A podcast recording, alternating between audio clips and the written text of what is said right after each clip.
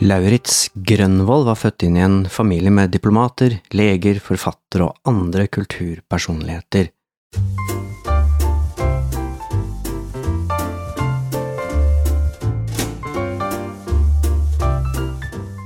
Så for han var det helt naturlig, etter å ha blitt ferdig med gymnaset og tatt en juridisk embetseksamen, at han fikk seg jobb i utenrikstjenesten.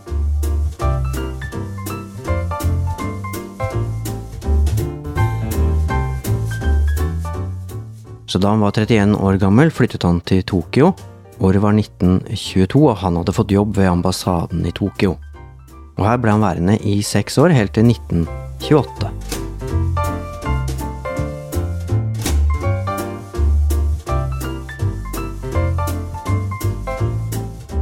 Og det samme året, altså i 1928, fikk han eh, første dan i judo, altså svart belte i judo.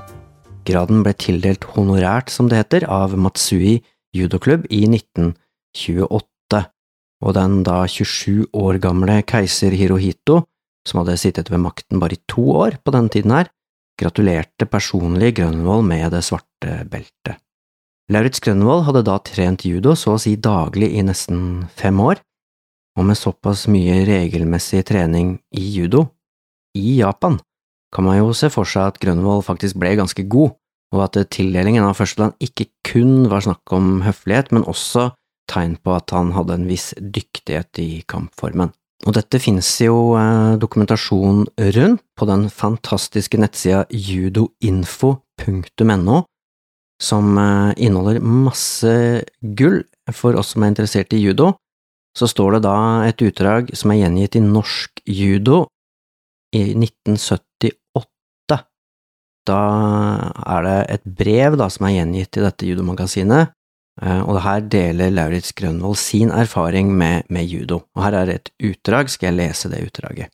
Under mitt seksårige opphold i Japan, 1922 til 1928, deltok jeg i fire–fem år, nesten daglig i øvelser i en judohall i nærheten av mitt hjem. Denne hall var bygget i utkanten av en park som tilhørte en japansk greve. Min gamle, ærverdige lærer Matsui og hans familie hadde vært samuraier i tjeneste hos denne greves forfedre. Jeg tok aldri noen virkelig eksamen i judo, men øvet meg med de fleste av de unge japanere som kom der.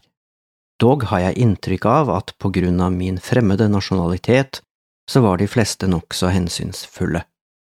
Da jeg forlot Japan, fikk jeg det sorte beltet, visstnok den høyeste utmerkelse for alminnelig judo.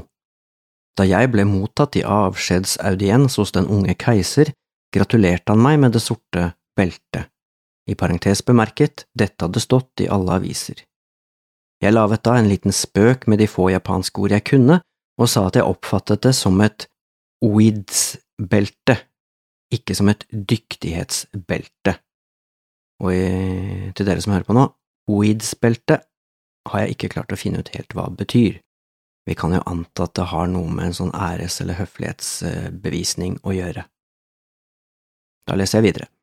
Den høflige keiser lo meget av dette og forsikret at det sikkert var for min dyktighet jeg hadde fått det. Jeg holdt meg hele tiden til Matsuis vakre judohall, og jeg kan ikke huske at jeg har besøkt professor Kanos Kodokan. De japanere som jeg øvet med, var studenter, arbeidergutter, hvem som helst.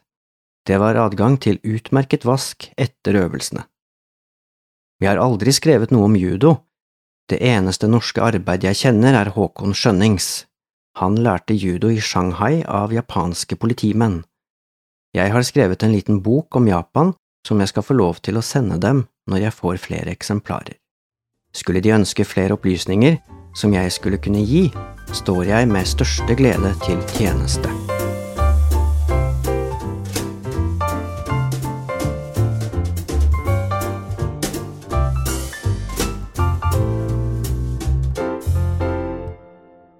Jeg heter Arne Midtlen. Du hører på Judomania, en podkast om judo, kampsport og selvforsvar. Den finner du overalt der du vanligvis hører på podkaster. Og I denne episoden skal det altså handle om norsk judohistorie, og en av hovedkildene til det du får høre i denne episoden, er den utrolige innholdsrike nettsida judoinfo.no. Der er det masse eh, stoff. Det er en gullgruve, rett og slett, for oss som liker morsomme anekdoter og fortellinger om gamle dager. Men i dag har jeg en liten utfordring, eller oppfordring, til deg som hører på også. Jeg vil gjerne høre historier fra deg også, og da kan det hende at du tenker, sånn som mange av oss gjør, at jeg har egentlig ikke noe å bidra med, eller kanskje du ikke er typen som liker å skrive, eller kanskje du syns du skriver litt feil, eller kanskje du ikke vil stikke deg fram på en podkast sånn som det her. Men det er null stress, jeg har en løsning på alt. Gå inn på judomania.no skråstrek podkast. Der finner du en blå knapp, og trykker du på den, så kan du sende meg en lydmelding i stedet, og den kommer bare inn til meg personlig, ingen andre hører den. Og det er jo kjempekult, og da kan du til og med krysse av, da, for om du vil være med i en episode eller ikke. Krysser du av for at du vil være med, så kontakter jeg deg. Eh, vil du ikke være med, så bare bruker jeg informasjonen som du har fortalt. Her er det nemlig informasjonen som er det viktigste. Men ikke bare det, hvis du syns det er flaut å høre din egen stemme, for det er det jo noen som gjør, da kan du bare skrive en e-post til podkast.krøllalfa.judomania.no. Og da er det samme om du skriver kort eller langt eller har skrivefeil, jeg forstår det aller, aller meste. Så altså, hvis du har tips om noe som kan være en artig historie, en anekdote, en røverhistorie, en typisk historie, eller kanskje du vet om noen jeg bør snakke med, så kom med det, og jeg er helt sikker på at eh, blant dere som hører på, så er det mange som har store og små ting å bidra med. Så denne gangen så er det faktisk greit om du allerede nå stopper denne podkasten og går inn på judomania.no skråstrek podkast, finner den blå knappen og sender meg en lydmelding. Eller om du bare fyrer opp e-posten og sender noen ord til meg med en gang på podkast krøllalfa judomania.no. Tusen takk!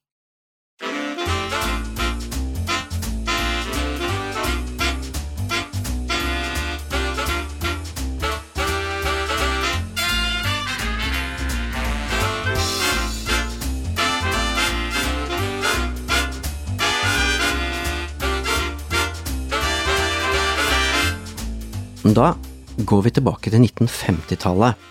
Og det er jo her egentlig norsk judo starter, fordi Lauritz Grønvold han trente jo judo i Japan. Og så ble det egentlig ikke noe særlig snakk om judo igjen i Norge før på begynnelsen av 50-tallet. Det var flere som holdt på med jiu-jitsu, men judo som idrett, den hører vi først om på 50-tallet. Og da skal det ha vært en liten gruppe ivrige sjeler, de kalte seg visstnok The Gang eller The Inner Circle, og de var aktive i judo i flere tiår, og de trente da på Sam Melbergs institutt i kjelleren på Bislett Bad i Oslo.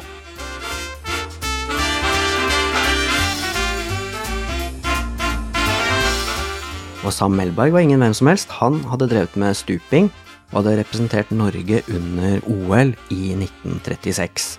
Jeg tror han kom på 21. plass der.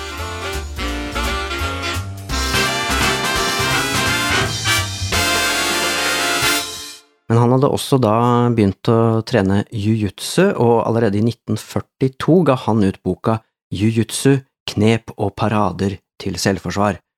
Og i parentes på den tittelen i boka der, på en av de første sidene der, så står det en stavemåte av jiu-jitsu som jeg ikke har sett før.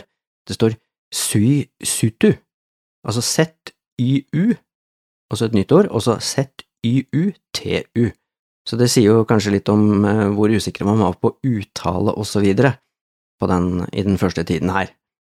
Og i innledningen av boka så er det broren til Sam Melberg, Håkon Melberg, som har skrevet et forord som heter Vitenskapen å slåss, og eh, forordet innledes da med det retoriske spørsmålet Er jiu-jitsu en ny dille? Og jeg har lest boka, den ligger ute på nettsidene til Nasjonalbiblioteket, og det er ganske morsomt fordi den er helt åpenbart skrevet i en annen tid, og noen ganger så er den så politisk ukorrekt at uh, man blir nesten flau når man leser det, og andre ganger så har den selvfølgelig noen gode poeng. Uansett, etter andre verdenskrig så åpnet Sam Melberg et institutt der man kunne trene jiu-jitsu, og uh, fra 50-tallet og utover så var dette instituttet på Bislett Bad et knutepunkt for norsk eh, kampsport, og det var både judo og karate startet opp her i organiserte former. Hvis vi ser litt på judo, da, så ble de første judotreningene de ble ledet av Henrik Lund og Torkel Sauer, og i ettertid så regnes kanskje Henrik Lund som den som startet offisielt med judo i Norge.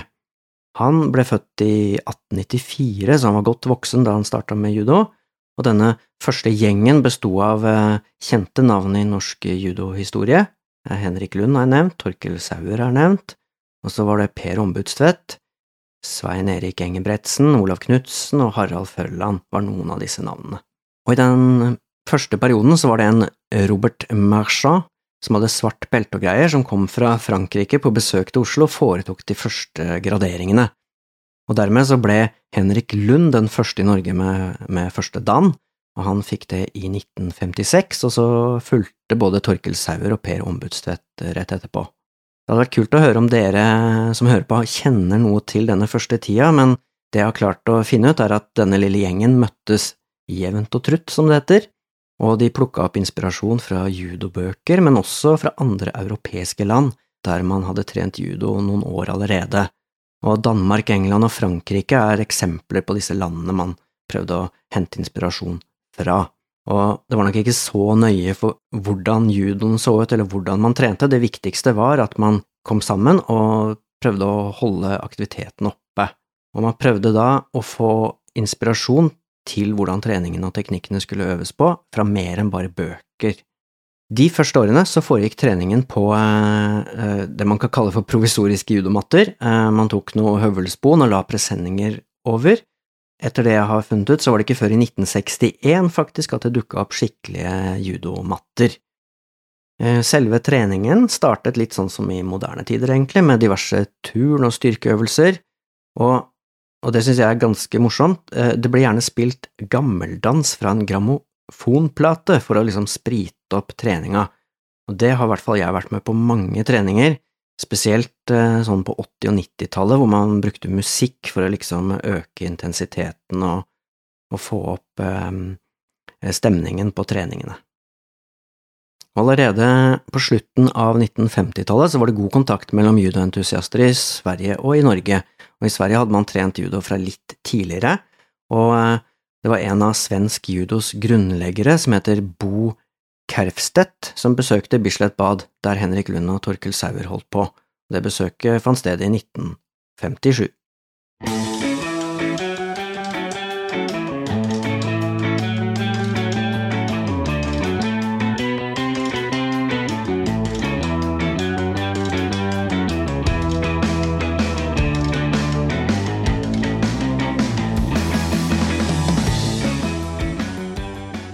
Så beveger vi oss oppover mot 1960-tallet, og på 1960-tallet så ble det man kan kalle for tur- og løkkekulturen i Norge gradvis erstatta av idrettskulturen, og den organiserte idretten kom virkelig på moten. Og eh, i og med at TV også dukka opp i dette tiåret her, så ble nordmenn kjent med flere idretter og fikk eh, idrettshelter. Og judo var på ingen måte plaga med spesielt sendetid i fjernsynet, heller ikke da, men eh, judofolket begynte uansett også å organisere seg i mer faste former. I løpet av de neste 20 åra, altså fra 60- til 80-tallet, så var judofolk absolutt med på denne idrettsrevolusjonen, der antallet som var organisert i idrett, firedobla seg i løpet av disse årene, da.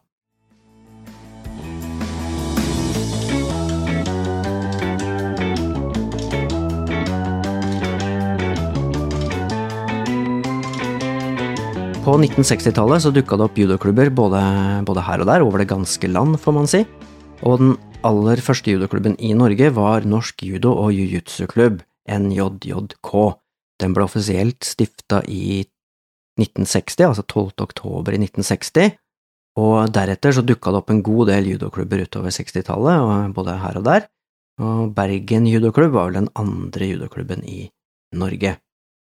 Disse første årene så var det ingen kvinner med i norsk judo, og det tok rett og slett mange år før kvinner fikk være med på treninger. Eh, Henrik Lund har visst vært litt eh, skeptisk til dette og mente at det kunne distrahere de mannlige utøverne. Så her var ikke Norge tidlig ute på noen som helst slags eh, måte, men det har vi vel kanskje aldri vært i idrett. Men altså, i 1965 graderte den da 17 år gamle Veslemøy Solveig Margrethe Thomassen fra Kongsvinger judoklubb seg til gult belte, så hun ble dermed den første kvinnen i Norge som graderte seg til et uh, belte. Robert Marchand, den franske vennen vår som hadde trent under den legendariske Kawaishi, sto for en god del av den tidlige utviklingen av judo her i Norge, og han sørga for å gradere Henrik Lund helt opp til fjerde dan og Torkel Sauer til tredje dan, og Per Ombudstvedt og Olav Knutsen og Svein Erik Engebretsen til andre dan. Det var også på 60-tallet at Norges judoforbund ble stifta, og det skjedde i 1967, og Torkel Sauer, som hadde vært med helt fra starten, ble den første presidenten i Norges judoforbund. Og Torkel Sauer kan dere lese masse om på judoinfo.no. Han levde et veldig interessant judoliv, så jeg anbefaler å gå inn på judoinfo.no og søke opp eh, Torkel Sauer. Ellers så ble man mer organisert og strukturert i Judoforbundet i løpet av 60-tallet, og i 1969 så fikk Øyvind Tveter, Erik Lian, Karl August Thoresen med flere på plass et eh, treneropplegg og en utdanning til trener 1 i samarbeid med Norges idrettshøgskole, og da innførte man også dommerkurs og C-lisenser, det var Atle Lundsrud og Ole Jørgen Hammerstrøm som var de første i Norge med C-lisens. Og da blir det jo også selvfølgelig konkurranser etter hvert. Når man har dommere, så er det jo fint å arrangere et skikkelig NM, og det første individuelle norgesmesterskapet, for menn, må man si, Eh, ble arrangert i Blindernhallen i Oslo 16. februar i 1969, og her vant NJJK fem av seks NM-titler. Man startet altså opp med denne dommerutdanningen i 1969, og utover i 1970 så økte man innsatsen for å utdanne dommere, og Atle Lundsrud var en sentral skikkelse på norsk side, og han samarbeida med Olle Edeklev fra Sverige som var kanskje den som hadde høyest og best og lengst utdanning i judodømming i Skandinavia.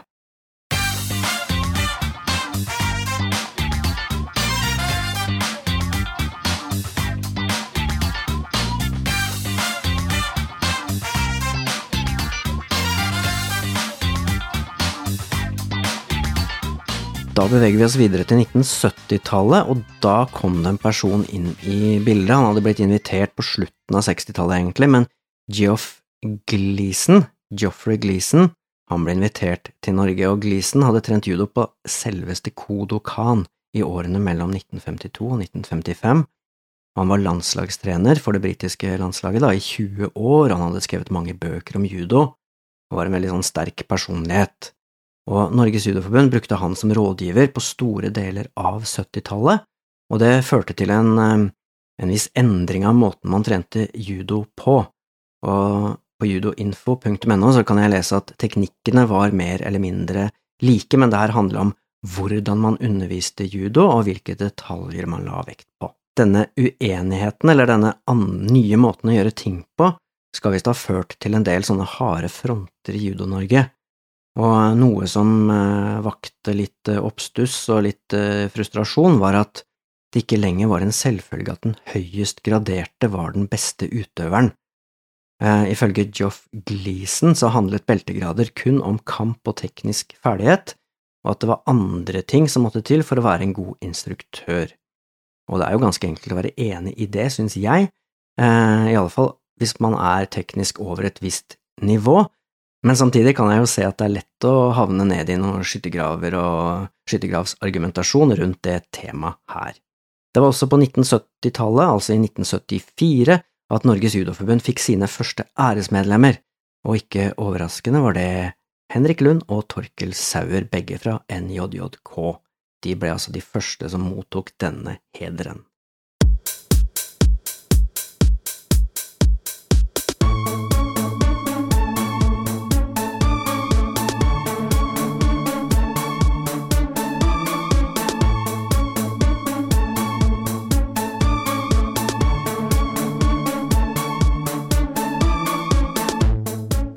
Da beveger vi oss til det vi kaller for mitt tiår, nemlig 80-tallet.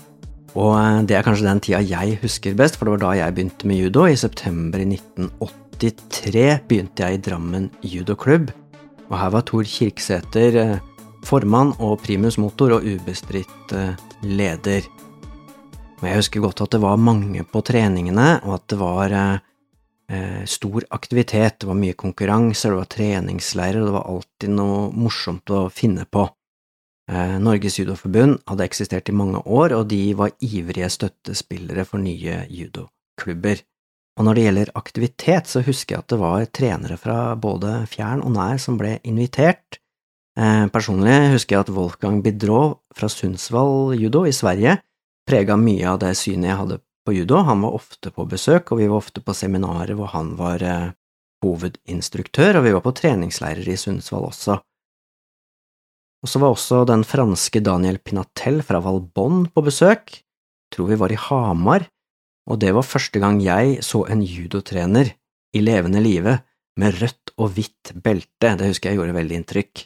I tillegg husker jeg at det kom mange trenere fra Storbritannia på besøk, særlig til Dojon på Haugerud, der var vi ofte og trente, og eh, i eh, dojoen på Haugerud var også Bogdan, tror jeg han het, en polsk trener, som også bidro der, han hadde vel tredje dan, tror jeg. Og som jeg nevnte i en tidligere episode, i 1988 så var selveste Keiko Fukuda verdens høyest graderte kvinne på besøk i Tromsø. Og siden jeg er inne på det nå, så hadde det jo vært morsomt å høre om dere har eksempler på trenere fra fjern eller nær som kom på besøk til en klubb eller krets eller landslag, Eh, hvem var det, og hva var det som var så kult med det? Eller bare hvem var det, rett og slett? Legg gjerne inn en kommentar, da, eh, eller en lydmelding, eller en skriftlig kommentar, eller hva som helst, på judomania.no skråstrek podkast. Men det skjedde jo mer på 80-tallet enn bare besøk av flinke trenere. Det var eh, høy aktivitet og deltakelse i eh, konkurranser også, og noen av høydepunktene i dette tiåret var jo blant annet eh, helt i innledningen av tiåret da Kai Otto Nilsen fikk bronse i junior-EM i 1981. Det mesterskapet fant sted i San Marino, og Kai Otto konkurrerte i klassen for menn inntil 95 kilo. Og han, Kai Otto Nilsen, gjorde det i det hele tatt godt i europeisk og nordisk sammenheng gjennom hele 80-tallet.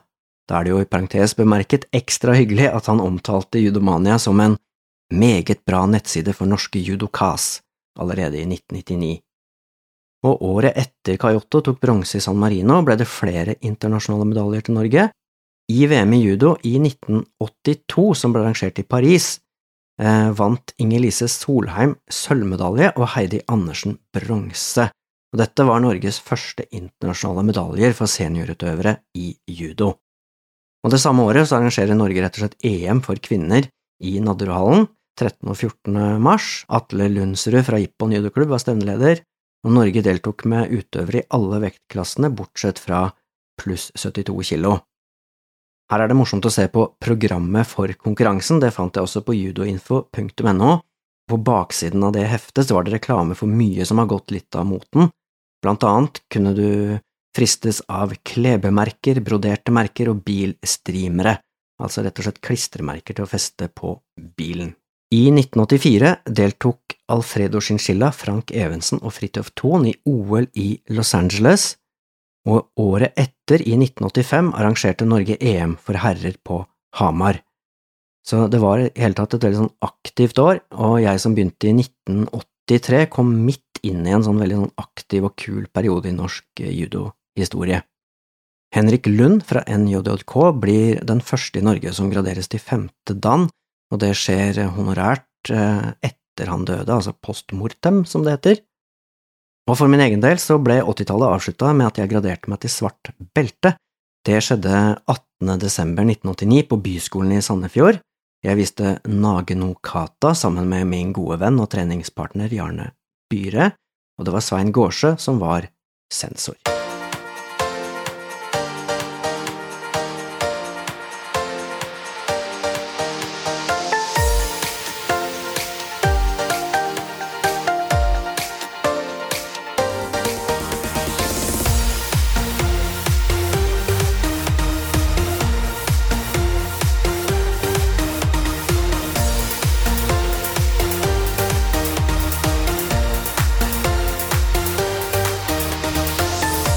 Starten av 90-tallet var like lovende som 80-tallet, vil jeg si. Eh, allerede i 1992 stiller Norge med OL-deltaker i judo. OL arrangeres i Barcelona, og Stig Tråvik representerer Norge. Og det hendte jo til og med at det var judo på NRK, og siden dette var lenge før YouTube, så var vi sultefora på alt som kunne minne om levende bilder av judo, og for min del så husker jeg veldig godt at vi var en gjeng som møtte opp i NRK for å være med når kongen av lørdagsunderholdningen, selveste Tande P, skulle ha med judo som et av innslagene, og her skulle Anders Lie forsøke å kaste 60 utøvere, blant andre meg, i løpet av to minutter, og for dere som vil se om han klarte det eller ikke, så ligger det en link i notatene til denne episoden, så kan dere klikke dere inn der og se selv hvordan det her foregikk. På 90-tallet ble det også spilt inn en video om Nage Nokata, der hvor eh, Svein Gårdsjø fra Sandefjord judoklubb er eh, Torry i den videoen. Men så snur det litt, og i løpet av 90-tallet så var det en tilbakegang i medlemstallet i norsk judo. Det hadde ligget på sånn kanskje 8000–9000 utøvere på store deler av 80-tallet, men i løpet av 90-tallet så faller medlemstallet ned mot 4000, og etter hvert litt sånn under 4000. Og det hjalp jo ikke på saken heller at eh, Norges judoforbund rett og slett gikk konkurs i 1994. Det er egentlig ikke før på begynnelsen av 2000-tallet igjen at pilene begynner å peke riktig vei, og i våre dager, iallfall før pandemien, var medlemstallet på god vei opp mot 5000 igjen. Nå håper jeg, nå som eh, pandemirestriksjonene mer eller mindre er avsluttet og vi kan trene judo på vanlig måte igjen, at alle piler kommer til å peke til værs for norsk judo. Med det er det på tide å avrunde denne episoden. Likte du det du hørte? Tips gjerne andre om Judomania, eh, både nettsida og podkasten. Det var alt for denne gangen. Takk for at du hørte på. Ha det bra.